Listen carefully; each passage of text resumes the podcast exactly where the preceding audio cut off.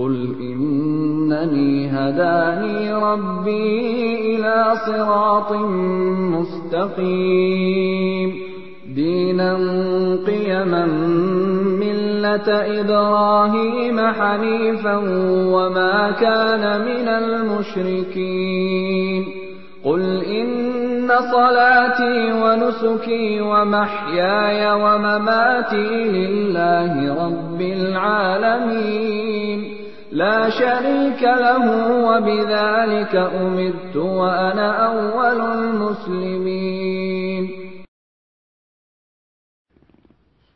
إن الحمد لله تعالى نحمده ونستعين به ونستغفره ونعوذ بالله تعالى من شرور أنفسنا وسيئات أعمالنا. من يهد الله تعالى فلا مضل له ومن يضلل فلا هادي له. وأشهد أن لا إله إلا الله وحده لا شريك له وأشهد أن محمدا عبده ورسوله. أما بعد فإن أصدق الحديث كتاب الله تعالى وأحسن الهدي هدي محمد صلى الله عليه وآله وسلم وشر الأمور محدثاتها وكل محدثة بدعة وكل بدعة ضلالة وكل ضلالة في النار. اللهم صل على محمد وعلى آل محمد كما صليت على إبراهيم وعلى آل إبراهيم في العالمين إنك حميد مجيد. وبارك على محمد وعلى آل محمد كما باركت على إبراهيم وعلى آل إبراهيم في العالمين إنك حميد مجيد. أخرج الإمام مسلم في صحيحه من حديث معاوية بن الحكم السلمي رضي الله عنه قال بينما أنا أصلي مع رسول الله صلى الله عليه وآله وسلم إذ عطس رجل من القوم. فقلت له يرحمك الله. فرماني القوم بأبصارهم. فقلت واثكل أمياه ما لكم تنظرون إلي؟ فجعلوا يضربون أفخاذهم بأيديهم يصمتونني لكني سكت.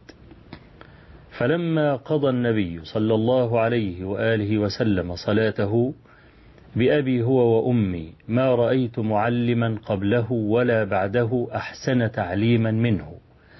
فوالله ما كهرني ولا ضربني ولا شتمني. ولكن قال إن هذه الصلاة لا يصلح فيها من كلام الناس شيء إنما هو التسبيح والتكبير وقراءة القرآن أو كما قال رسول الله صلى الله عليه وآله وسلم. فقلت يا رسول الله إني حديث عهد بجاهلية وإن منا رجالا يأتون الكهان. قال فلا تأتهم. قلت ومنا رجال يتطيرون. قال ذاك شيء يجدونه في صدورهم فلا يصدنهم. قال ومنا رجال يخطون. قال كان نبي من الأنبياء يخط فمن وافق خطه فذاك. قال وكانت لي جارية ترعى لي غنما قبل أحد والجوانية. فاطلعت عليها يوما فإذا الذئب قد عدا على غنمها فذهب بواحدة منها. وأنا رجل أسيف من بني آدم آسف كما يأسفون لكني صككتها أي لطمتها على وجهها. قال فعظم ذلك رسول الله صلى الله عليه وسلم علي. فقلت يا رسول الله أفلا أعتقها؟ قال ائتني بها. فلما جاءت قال يا جارية أين الله؟ قالت في السماء. قال من أنا؟ قالت أنت رسول الله. فقال عليه الصلاة والسلام أعتقها فإنها مؤمنة. وكنا وصلنا في الحلقة الماضية إلى سؤال رسول الله صلى الله عليه وسلم الجارية أين الله؟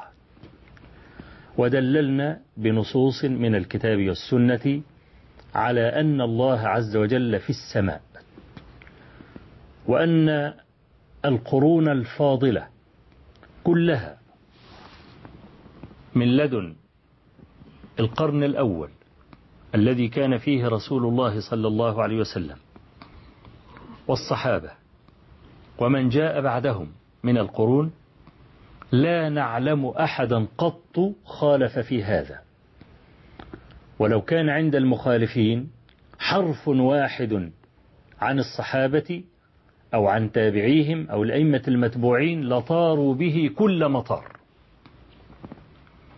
وأريد أن أقول شيئا. العلم يرجع إلى ثلاثة أشياء. إلى القرآن والسنة وأقوال الصحابة وأفعالهم. وقد نظم هذا المعنى. الإمام ابن القيم رحمه الله. وهذه الأبيات أيضا تنسب للإمام أبي عبد الله الذهبي أحد أقران ابن القيم. الإمام الذهبي صاحب سير أعلام النبلاء وميزان الاعتدال وتاريخ الإسلام هو مشهور معروف. قال العلم قال الله قال رسوله. قال الصحابة ليس خلف فيه ما العلم نصبك للخلاف سفاهة بين الرسول وبين رأي فقيه كلا ولا جحد الصفات ونفيها حذرا من التعطيل والتشبيه. العلم قال الله قال رسوله قال الصحابة. ليس خلف فيه أي ليس هناك خلاف بين أهل العلم في أن مرد كل شيء إنما هو إلى القرآن والسنة. ثم فعل الصحابة وهو السنة العملية اللي هم تلقوا الوحي غضا طريا وسمعوا النبي صلى الله عليه وآله وسلم وكانوا أفقه هذه الأمة وأفضلها عقولا وأزكاها قلوبا. ولو كان شيء من الخيرات لكانوا من السابقين إليه. ويستحيل أن يوجد في المتأخرين من أدرك شيئا من الخير فات هذا الجيل. أبدا. لماذا قدمت بهذا الكلام؟ لأننا لم نجد في اختلاف الصحابة بعضهم مع بعض شيئا يدل على أنهم اختلفوا مع بعضهم في العقيدة ولا رد بعضهم على بعض فيما يتعلق بالعقيدة بخلاف الأحكام الفقهية التي تحتاج إلى استنباط فالخلاف بينهم كثير في هذا. وأنا أدلل على كلام هذا بأشياء.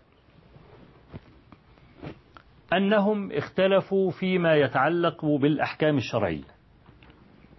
اللي هي الجزئيات الأحكام الشرعية اللي فيها حلال وحرام. اختلفوا في مسائل شتى. منها مثلا اختلاف عمر ابن الخطاب مع عائشة فيما يتعلق بالنهي عن صلاة بعد العصر إلى أن تغرب الشمس وعن صلاة بعد الصبح إلى أن تشرق الشمس. والحديث في الصحيحين من حديث ابن عباس رضي الله عنهما قال شهد عندي رجال مرضيون وأرضاهم عندي عمر. أن رسول الله صلى الله عليه وسلم نهى عن صلاة بعد صلاة الصبح إلى أن تشرق الشمس ونهى عن صلاة بعد العصر إلى أن تغرب الشمس. وكان عمر يضرب على هاتين الركعتين من يراه يصليهما. قال ابن عباس وكنت أضرب مع عمر عليها عليهما على الركعتين بعد صلاة العصر. ردت هذا عائشة رضي الله عنها وهذا الحديث في الصحيح أيضا قالت ما ترك رسول الله صلى الله عليه وسلم ركعتين بعد العصر في بيتي. أو قالت ما دخل بيتي بعد العصر قط إلا ركع ركعتين. العلماء يعني وفقوا ما بين هذين النصين.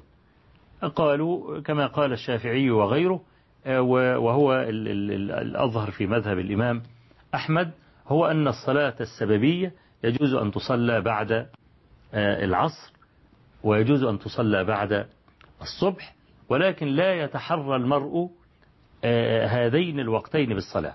في تفصيل في المسألة دي أنا لا أخوض فيه لأن هذا ليس موضوع. لكنني أريد أن أثبت الخلاف في المسألة بين الصحابة رضي الله عنهم. وكذلك مثلا الوضوء مما مست النار. فعند الترمذي وغيره أن ابن عباس رضي الله عنهما كان يعترض على أبي هريرة في رواية هذا الحديث. فأبو هريرة روى عن النبي صلى الله عليه وسلم أنه قال توضأوا مما مست النار. وهذا الكلام كان في أول الإسلام ثم نسخ لحديث جابر وغيره.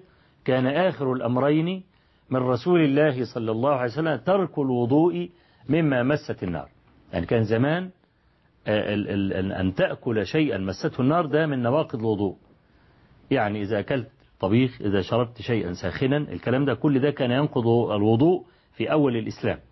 وأنا برضو بركز ليه؟ لأن في بعض الناس لما كنت ذكرت هذا الحديث اتصل وقال دي مشكلة كبيرة إن إحنا بنأكل مما مست النار ولا نتوضأ. طب ما هو الحل؟ الإشكال إن هو إيه؟ يعني لم يعطني سمعه أو جاء في نصف الكلام أو كده فالتبس عليه. لكن أقول هذا كان في أول الإسلام. فأبو هريرة رضي الله عنه هو الذي روى هذا عن النبي صلى الله عليه وسلم. عارضه ابن عباس. فقال يا أبا هريرة أتوضأ من طعام أجده في كتاب الله حلالا. يا أبا هريرة أفلا نتوضأ من الحميم؟ الحميم اللي هو الماء الساخن يعني. يعني أنا إذا في الشتاء القارس مثلا إذا سخنت ماء عشان أتوضأ بها دي معناها أنني يلزمني أن أتوضأ بماء بارد لأن هذا مما إيه؟ مما مسته النار. فابن عباس يقول هذا لأبي هريرة أفلا أتوضأ من طعام أجده في كتاب الله حلالا؟ أو أفلا نتوضأ من الحميم؟ فقال له أبو هريرة بعدما قبض حصى من, من الأرض فملأ بها كفه قال أشهد عدد هذا الحصى أنني سمعت رسول الله صلى الله عليه وسلم يقول توضأوا مما مست النار. يا ابن أخي إذا حدثتك عن رسول الله صلى الله عليه وسلم حديثا فلا تضرب له الأمثال.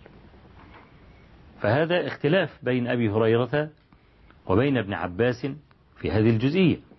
كذلك مثلا متعة الحج التمتع. أحد أنساك الحج الثلاثة أنساك الحج الإفراد والقران والتمتع. كان ابن عباس رضي الله عنهما يذهب إلى وجوب التمتع وكان يناظر عليه. فكلمه بعض أصحابه في ذلك. كما عند البخاري وغيره. فكان من جملة الحوار الذي دار بين ابن عباس وبين أصحابه من التابعين أن قالوا له إن أبا بكر وعمر ما كان يريان ذلك. ما كان يريان وجوب التمتع من العمرة إلى الحج. فقال ابن عباس رضي الله عنهما يوشك أن تنزل عليكم حجارة من السماء. أقول لكم قال رسول الله صلى الله عليه وسلم وتقولون أبو بكر وعمر؟ فهذا أيضا خلاف كذلك بين أبي بكر وعمر وبين ابن عباس بل بين كثير أو جمهرة الصحابة وبين ابن عباس الذي كان يرى وجوب التمتع. كذلك في مسألة الجنب. إذا لم يجد ماء ماذا يفعل إذا أدركته الصلاة؟ كان هناك خلاف بين عمر ابن الخطاب وبين عمار بن ياسر رضي الله عنهما. آه لما كان عمر مرة جالسا فجاءه رجل فقال يا أمير المؤمنين إني أجنبت ولم أجد ماء. فماذا أفعل؟ قال له عمر لا تصلي حتى تجد الماء. وكان عمار بن ياسر جالسا في هذا المجلس. فقال يا أمير المؤمنين ألا تذكر لما كنت أنا وأنت في غزوة كذا أو في سفر كذا فاحتلمنا. فأما أنا فتمعكت في التراب يعني قاعد إيه يقلب نفسه كده على التراب كما يتمعك الحمار أو كما تتمعك الحمر. وصليت وأما أنت فلم تصلي. فلما جئنا رسول الله صلى الله عليه وسلم قال كان يكفيكما ضربة الوجه والكفين؟ فقال عمر يا عمار اتق الله وانظر ماذا تحدث. وكان عمر رضي الله عنه قد نسي الواقعة برمتها. اللي هو إيه؟ الحادثة التي يتكلم عنها عمار بن ياسر رضي الله عنه. فقال يا عمار اتق الله وانظر ماذا تحدث. قال يا أمير المؤمنين إن شئت ما حدثتك. يعني إن, إن أمرتني أن أسكت سأسكت. قال له لا بل نوليك ما توليت. وكذلك خلاف علي بن أبي طالب مع ابن عباس في حرق الزنادقة. الزنادقة الذين كانوا يقولون إن عليا هو الله. فإن علي بن أبي طالب حرقهم بالنار. وهذا الحديث في صحيح البخاري. قال ابن عباس لو كنت منه أي من علي ما حرقتهم ولا قتلتهم. لقول النبي صلى الله عليه وسلم من بدل دينه فاقتلوه. فبلغ هذا الكلام علي بن أبي طالب رضي الله عنه فقال يا ويح أم ابن عباس. يا ويح أم ابن عباس؟ يعني هذا علي العلماء قالوا يا ويح. يعني هذا توجع ويعني اختلفوا في ذكر السبب الذي من أجله توجع علي بن أبي طالب. فمن قائل يا ويحه لم لم يخبرني بهذا؟ وإما يا ويحه أنه حمل الأمر على النهي حمل الأمر لا يعذب بالنار إلا رب النار إن ابن عباس قال هذا في تمام الحديث. قال لو كنت منه ما حرقتهم لقول النبي صلى الله عليه وسلم لا يعذب بالنار إلا رب النار. ولقتلتهم لقول النبي صلى الله عليه وسلم من بدل دينه فاقتلوه. فبعض العلماء قال يعني أنه يعني علي بن أبي طالب توجع أن ابن عباس حمل الأمر على النهي مع أنه يكون على الكراهة. إلى آخر ذلك. لكن حدث خلاف هو ما بين علي بن أبي طالب وما بين ابن عباس رضي الله عنهما. كذلك كما ذكرنا في حلقات سابقة اختلاف عائشة رضي الله عنها مع عمر وابنه والمغيرة وحفصة وصهيب فيما يتعلق بحديث النبي صلى الله عليه وسلم إن الميت لا يعذب ببكاء أهله عليه. عارضت عائشة ذلك. وكذلك لما روى أبو هريرة قول النبي صلى الله عليه وسلم إنما الطيرة في المرأة والفرس والدار على ما تذكرون. فغضبت عائشة غضبا شديدا حتى كأنه طارت شقة منها في الأرض وشقة منها في السماء بسبب هذا وقالت والله ما قال رسول الله صلى الله عليه وسلم هذا. وهناك أشياء أخرى. ومن آخرها ومن ومن أعجبها أيضا ما يعني وقع منذ عدة سنوات وكانت قضية مثارة بشدة أن رجلا أراد أن يتزوج ابن امرأته. من رجل آخر. يعني الرجل تزوج تزوج امرأة والمرأة دي كان لها بنت من زوج آخر. إما المرأة دي كانت أرمل كانت أرملة أو كانت كانت أرملا أو كانت مطلقة. فبعض الناس أفتاه بجواز أن يتزوج ابنتها اللي هي الربيبة فالرجل بيستفتي هل يجوز أم لا؟ فأفتاه بعض الناس بجواز أن يتزوج الربيبة واتكأ في ذلك على أثرين صحيحين عن عمر بن الخطاب وعلي بن أبي طالب رضي الله عنهما. وقد صح هذا فعلا عنهما. يعني أثر علي بن أبي طالب هذا رواه عبد الرزاق وابن أبي حاتم في تفسيره وابن المنذر بسند صحيح عن مالك بن أوس ابن الحدثان أنه قال ماتت لي امرأة وولد لي منها فوجدت عليها وجدا شديدا فلقيت علي بن أبي طالب فقال لي ما لك؟ قلت ماتت امرأتي. قال لها ابنة من غيرك؟ قلت نعم هي في الطائف. قال هي في حجرك؟ يعني أنت اللي خدتها ربيتها يعني؟ قال له لا. قال تزوجها. فقلت له وأين تذهب؟ بقوله تعالى وربائبكم اللاتي في حجوركم. هذه من جملة المحرمات. في كما في سورة النساء اللي هو الآية التي حرمت عليكم أمهاتكم وبناتكم. في من ضمن الآية وربائبكم اللاتي في حجوركم من نسائكم اللاتي دخلتم بهن.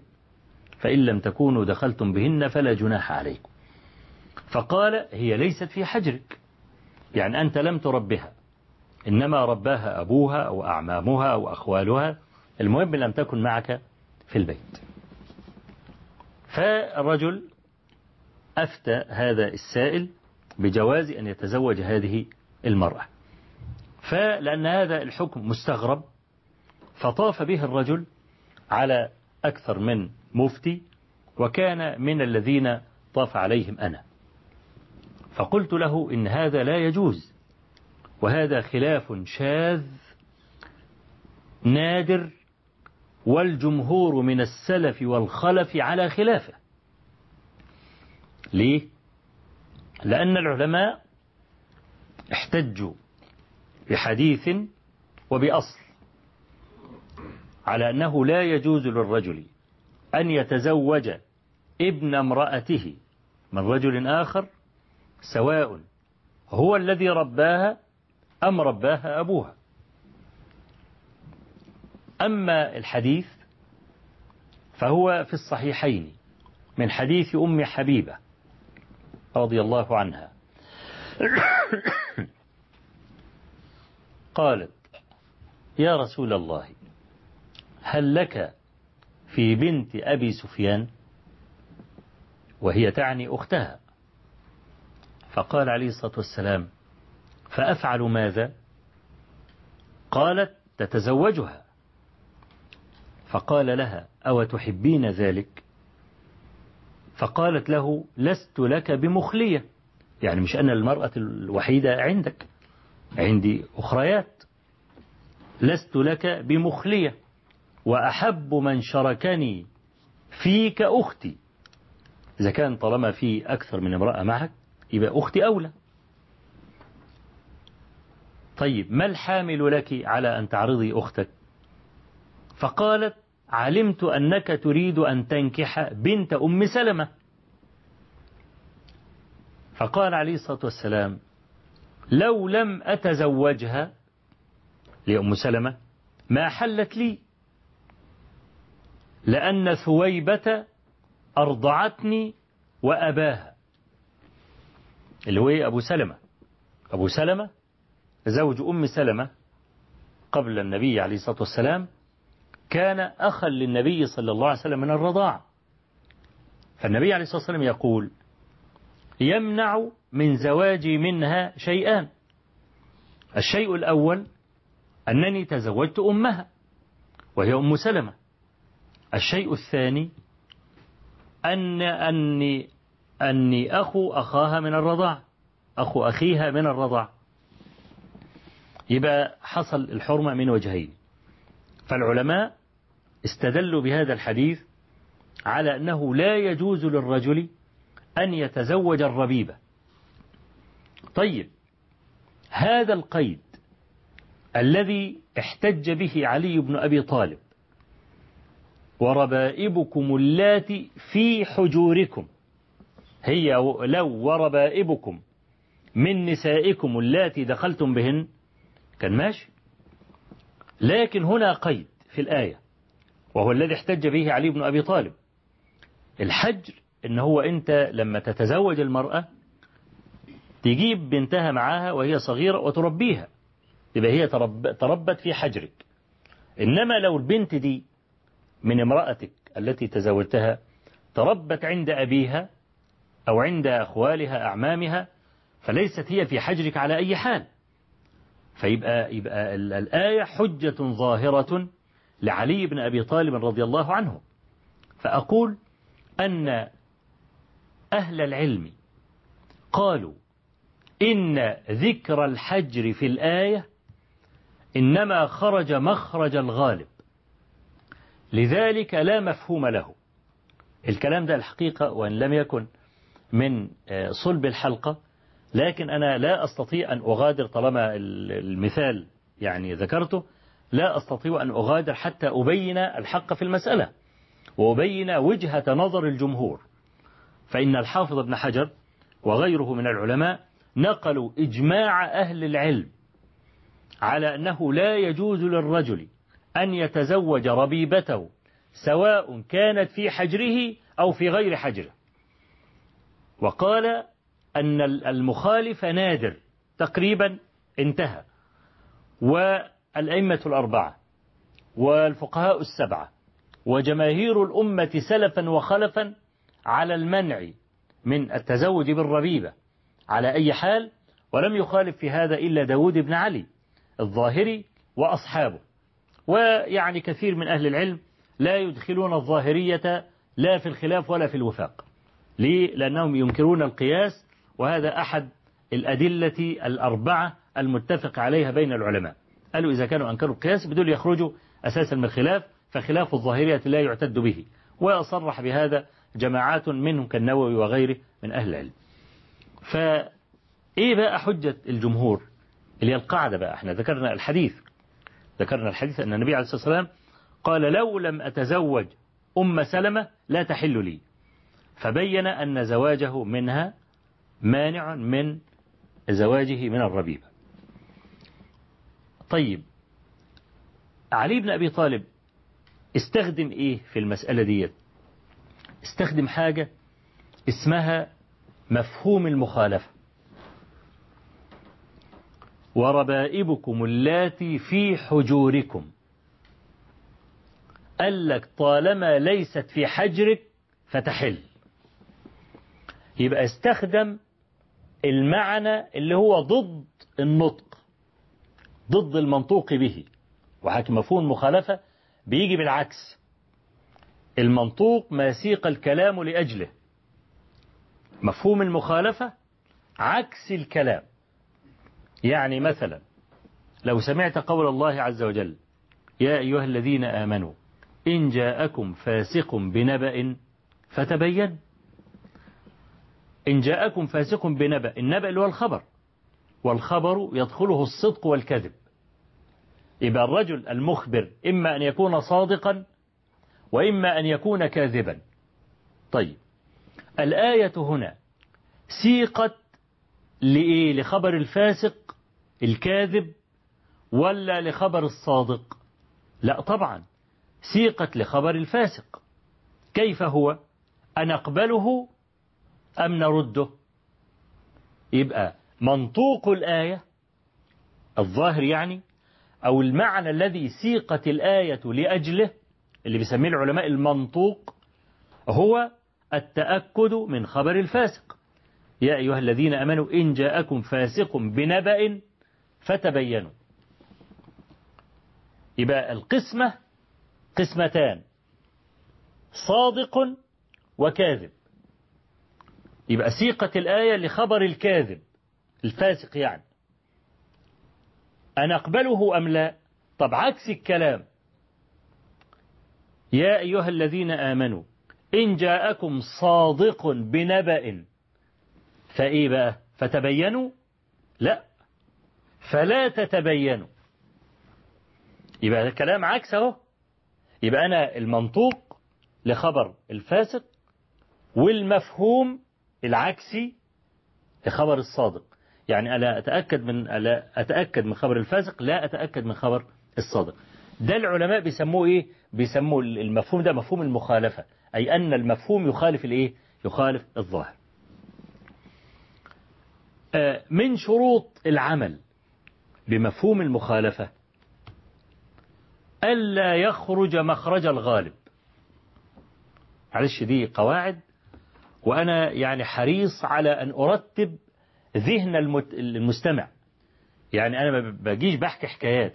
لا بحاول أرتب دماغك بحيث أنك أنت تطلع مستفيد. بحاول أبسط القاعدة جدا بحيث أنك تطلع مستفيد أيضا. شيئا فشيئا دماغك ده بيترتب. مش أي كلام ينطلي عليك أقدر أقبله. لا. يعني من الغرائب العجائب يعني إن فيه بعض الناس على بعض القنوات الفضائية. واحدة اتصلت بيه وقالت له والله يا عم الشيخ انت صحابي بس بتتنكر. صحابي بتتنكر؟ صحابي متنكر يعني؟ أه. يوم يضحك كده ويبتسم لا بارك الله فيك. هو إيه صحابي متنكر دي؟ يعني صحابي سنه 1429 سنة ويمكن لو ولد بقى قبل البعثة وبتاع هيتمم قرن ونصف. ده ده أبو لمعة اللي هو حامل لواء الفشر في هذا العصر اللي كان بيقول إحنا بنزرع الجبن تطلع بهايم. ما يعرفش يقول الكلام ده.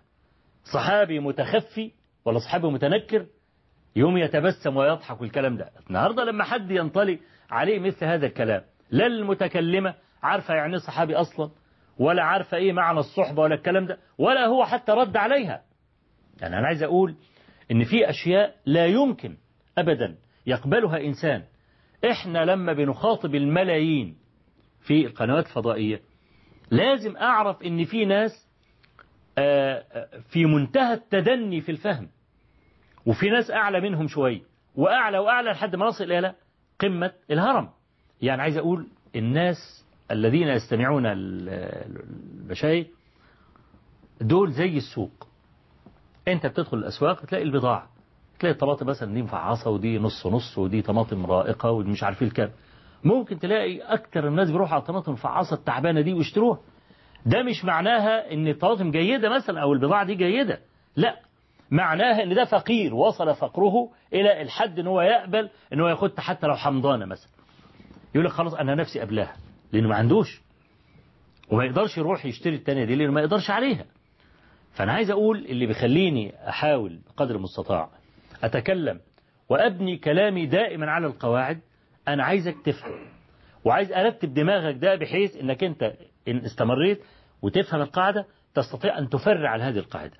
عشان كده أنا بقول القاعدة كما عرفها أهل العلم وبعدين أرجع أبسطها مرة أخرى حتى إيه تستمتع بالقواعد التي أصلها أهل العلم وتعلم أن هذا الدين متين ومش أي بني آدم أرى ورقتين في كتاب وبيعرف يتكلم ووصل معلومة يجوز له أن يجلس هذا المجلس ويجوز له أن يتكلم.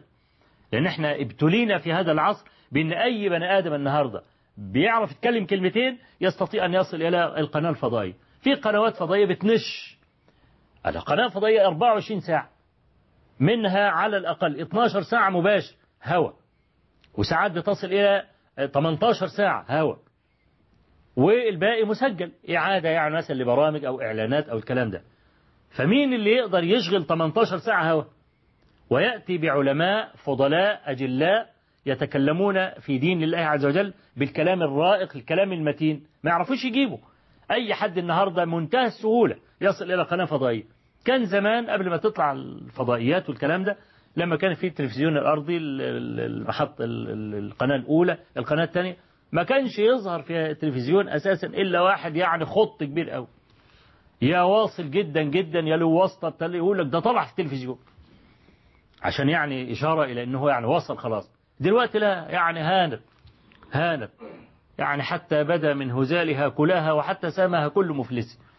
فالنهاردة من السهل قوي إن واحد يركب الكرسي في أي قناة فضائية ويقعد يتكلم أي كلام. أنا بحاول زي ما قلت لكم أحاول إن أنا دائما لما بتكلم أجيب الأصل اللي أنا خدت منه المسألة دي. فنرجع بقى إلى آه معلش هذا اعتذار مني. إذا كان أنا كلامي فيه يعني شيء من الصعوبة ولا حاجة فيعني تحملني قليلا لحد ما أضرب المثال وممكن المثال ده برضو قد يصعب عليك شوية إذا يعني استمررنا إن شاء الله شيئا فشيئا مع ضرب القاعدة اللي هتيجي معنا كتير. كل القواعد كثيرا ما تأتي معنا. برضو إذا تابعتني شيئا فشيئا إن شاء الله ينشرح صدرك لما تسمع. رجعنا بقى لمفهوم المخالفة. وقلنا أن مفهوم المخالفة هو معنى الكلام لا في محل النطق. محل النطق ولا المنطوق زي الآية إن جاءكم فاسق برما فتبينوا. ده جاء إيه؟ سيق الكلام لخبر الفاسق العكس خبر الإيه؟ خبر الصدق كقوله صلى الله عليه وسلم لا تنتقب المرأة المحرمة ولا تلبس القفازين. على الحديث ده على الأقل يرد على المفترين على دين الله عز وجل الذين يقولون إن النقاب لا أصل له في الدين. ملوش أصل تماما. لا دليل ولا إلى الحديث ده كفاية. لا تنتقب المرأة المحرمة. المرأة هنا موصوفة بإيه؟ بأنها محرمة. يبقى سيق الكلام منطوق الكلام سيق لإثبات الحكم في أي امرأة؟ في المرأة المحرمة. لا تنتقب طب عكس الكلام تشيل لا. يبقى لو حبيت تجيب عكس الكلام تقول إيه؟ تنتقب المرأة الحلال المحلة يعني اللي هي مش محرمة. يبقى لا تنتقب المرأة المحرمة ولا تلبس قفازين.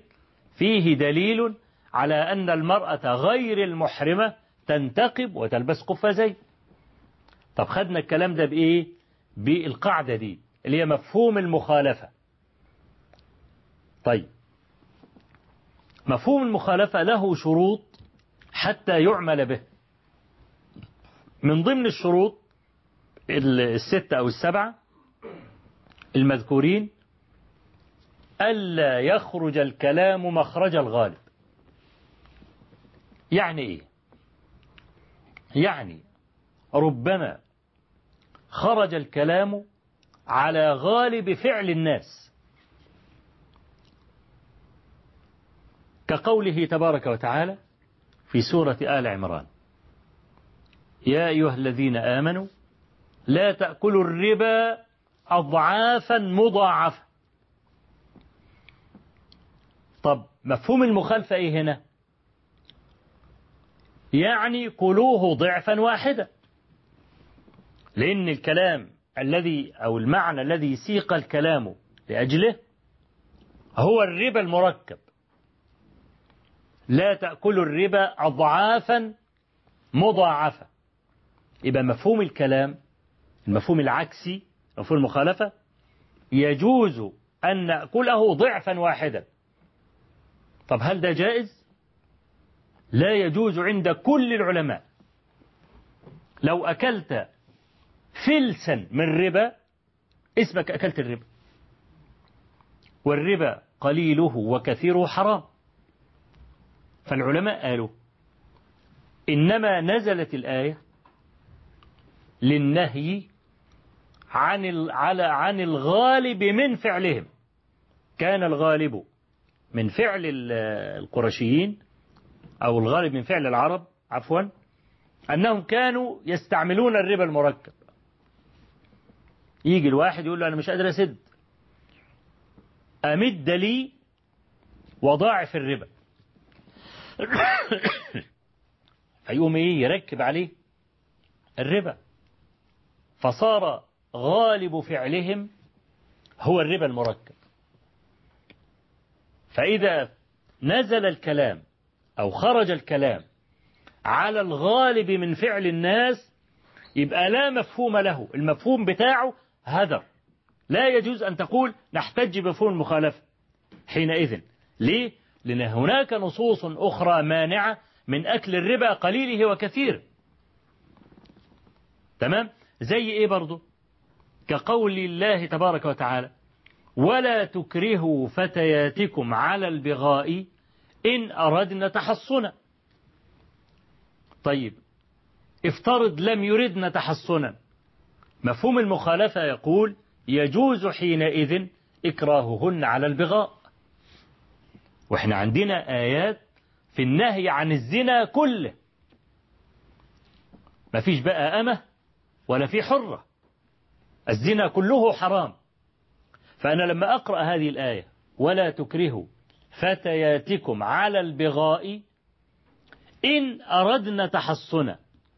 يبقى هذا كان من غالب فعلهم أنهم كانوا يكرهون الفتيات على البغاء. فخرج الكلام تنبيها على غالب فعلهم. فحينئذ مفهومه لاغي هدر. وأيضا قوله صلى الله عليه وسلم إذا باتت المرأة هاجرة فراش زوجها لعنتها الملائكة حتى تصبح. طيب. إذا باتت المرأة هاجرة باتت معناها علمنا أن هذا بالليل لأن البيات لا يكون إلا ليلا. وكم من قرية أهلكناها فجاءها بأسنا بياتا أو هم قائلون. فبياتا في مقابل القيلولة. البيات يكون بالليل والقيلولة تكون تكون بالنهار. وسئل النبي صلى الله عليه وسلم كما في حديث صعب بن جثامة في الصحيحين عن المشركين يبيتون. فتقتل ذراريهم ونساؤهم. أو سئل عن ذراري المشركين ونسائهم إذا بيتوا ليلا. إذا بيتوا والبيات لا يكون إلا ليلا. يعني المسلمين إذا أغاروا ليلا على المشركين. قال هم منهم. وفي سنن أبي داود. وهو عند ابن الجارود في المنتقى وعند أحمد وغيرهم. بسند صحيح. عن المهلب ابن أبي صفرة عن رجل من أصحاب النبي صلى الله عليه وسلم. عن النبي صلى الله عليه وسلم قال إذا بيتكم المشركون فقولوا حاميم لا ينصرون وفي بعض طرق الحديث فشعاركم حاميم لا ينصرون يعني إذا بيتكم المشركون أي إذا أغاروا عليكم ليلا. وهاجموا عليكم الدنيا ليل طيب الدنيا ليل يعني ممكن أنا أقتل واحد مسلم. ما أنا مش عارف أنا بالليل ومش عارف اللي قدامي اللي ماسك سلاح ده هو مسلم ولا مشرك. فالرسول عليه الصلاة والسلام قال طيب إذا هجموا عليكم ليلا اعملوا كده شعار بينكم. قول حاميم لا ينصرون. أول ما أسمع واحد بيقول حاميم لا ينصرون أعرف أنه مسلم فما أقتلوش. إذا بيتكم المشركون أي إذا أغاروا عليكم ليلا. فالبيات هو الإيه؟ هو الليل. فإذا باتت المرأة هاجرة فراش زوجها لعنتها الملائكة حتى تصبح. وكلمة تصبح دي برضو قرينة قوية تدل على أن البيات هو إيه؟ هو بالليل. طيب. هنفترض أن رجلا عمله بالليل وراحته بالنهار. فدعا امرأته نهارا في فترة الراحة بتاعته فامتنعت منه. أتلعنها الملائكة؟ إذا أنا أخذت بمفهوم المخالفة أو لا لا تلعنها الملائكة. لأنه إذا باتت المرأة هاجرة فراش زوجها لعنتها الملائكة حتى تصبح العكس يقول إنها إذا هجرت فراش زوجها نهارا لا تلعنها الملائكة. وهذا غير وارد خالص. بل إذا هجرت المرأة فراش, فراش زوجها بعدما طلبها فهي ملعونة سواء كان بالليل أو كان بالنهار. طب ليه المسألة جت تنبيه على الليل؟ قال لك لأن داعية الفعل لا تكون عادة إلا ليلا. فنزل أو خرج الكلام مخرج الغالب. مخرج الغالب من الفعل. يبقى المفهوم بتاعه هدر. هدر يعني إيه؟ يعني لا يعتد به ولا يؤخذ منه حكم شرعي. كذلك أيضا قول النبي صلى الله عليه وسلم لا يحل لامرأة تؤمن بالله واليوم الآخر أن تصوم وزوجها شاهد إلا بإذنه غير رمضان. فقوله صلى الله عليه وسلم في هذا الحديث وزوجها شاهد هذا قيد خرج مخرج الغالب. وإلا فلو سافر زوجها وقال لها لا يجوز لك أن تصومي وأنا غائب يجب عليها أن تمتثل. طيب أمال وهو شاهد ليه؟ قال لك وهو شاهد أو وهو أو أي وهو حاضر موجود معاها في البيت لاحتمال أن يطلبها زوجها. فلا يجوز لها أن تهضم حقه لأجل نافلة تفعلها. بل إذا أرادت أن تصوم صيام تطوع استأذنت زوجها فإن أذن لها فبها ونعمت وإن لم يأذن لها فلا يجوز لها حتى وهو شاهد. لكن أقول وهو شاهد خرج مخرج الغالب. ليه؟ لأن الغالب غالب الفعل أن الرجل إذا كان مع المرأة فقد يطلبها. يبقى إذن ده لا مفهوم له. ها؟ يبقى أنا عندي بقى إذن. مفهوم المخالفة لا يعمل به إذا خرج مخرج الغالب. طيب نرجع بقى للآية. وربائبكم اللاتي في حجوركم. العلماء قالوا ذكر الحجر في الآية خرج مخرج الغالب لأن المرأة إذا ترملت أو طلقت وكانت لها ابنة صغيرة فهي حاضنة لها غالبا حاضنة لها بحكم الشرع. وإن البنت طالما أنها صغيرة فلا يجوز لأبيها أن يأخذها. إذا كان طلق المرأة لا يجوز لأبيها أن يحضنها مع وجود الأم الأم ما لم تتزوج. يبقى الغالب أن الأم إذا كانت مطلقة أنها تصطحب أولادها أو أو أرمل يعني تصطحب أبناء أو بنتها الصغيرة معها لتتربى في بيت زوجها. آه في بعض النساء ممكن يضحوا ببناتهم الصغار أو أولادهم الصغار عشان يتزوجوا ويسيبوا الأولاد مع أهل الزوج مع الزوجة أو مع أهل الزوج. بس هذا ليس هو غالب الفعل بل غالب الفعل أن تصطحب المرأة ابنتها الصغيرة معها لتتربى في حجرها. فالعلماء قالوا هذا ليس قيدا إنما هذا خرج مخرج الغالب من فعل الناس لذلك لا مفهوم له. ولذلك انعقد الإجماع تقريبا. يعني إلا ما هذا الشذوذ القليل ولم يوافق أحد من المسلمين فيما أعلم. يعني عمر بن الخطاب أو علي بن أبي طالب فيما يتعلق بهذه الجزئية. أنا عايز أقول إن الخلاف الفقهي بين الصحابة كثير.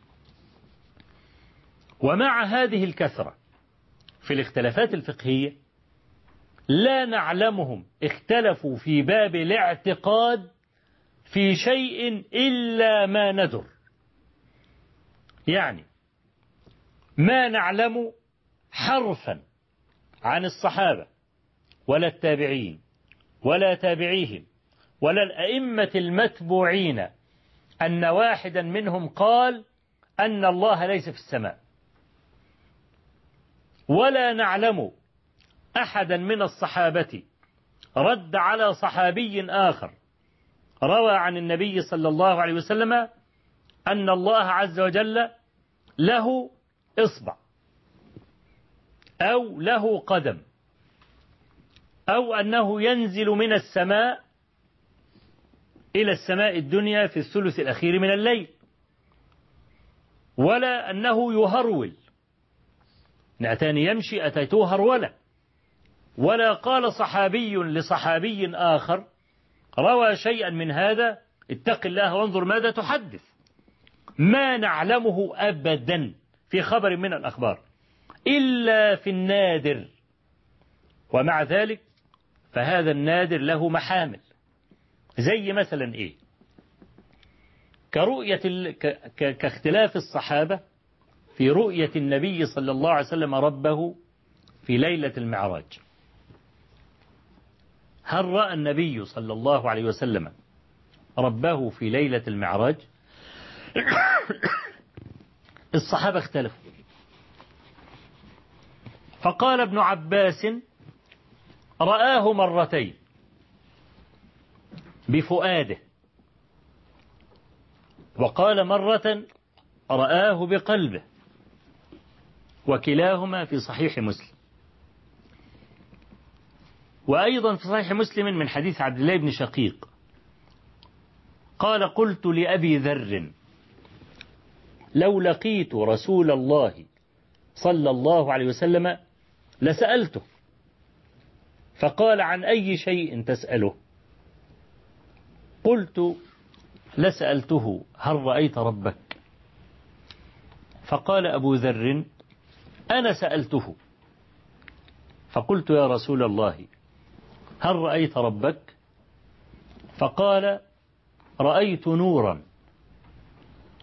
وفي الرواية الأخرى قال نور أن أراه. أي هو نور كيف أراه؟ طبعا ده هذا المعنى ورد في حديث أبي موسى الأشعري في الصحيحين عن النبي صلى الله عليه وسلم أنه قال حجابه النور. حجابه النور تبارك وتعالى. لو كشفه أي هذا الحجاب لأحرقت سبحات وجهه ما انتهى إليه بصره من خلقه. في الوقت الذي يقول فيه ابن عباس هذا تقول عائشة رضي الله عنها كما في الصحيحين من حديث مسروق أنه كان يجالس عائشة يوما فقالت له يا أبا عائشة ثلاث من قالهن فقد أعظم على الله الفرية فقلت ما هن يا أم المؤمنين فذكرت من, من هذه الثلاثة من قال إن محمدا رأى ربه فقد أعظم على الله الفرية. قال مسروق وكنت متكئا فجلست. وقلت لها أنظريني ولا تعجلي علي يعني تمهلي. إني أقرأ في كتاب الله عز وجل ولقد رآه بالأفق المبين.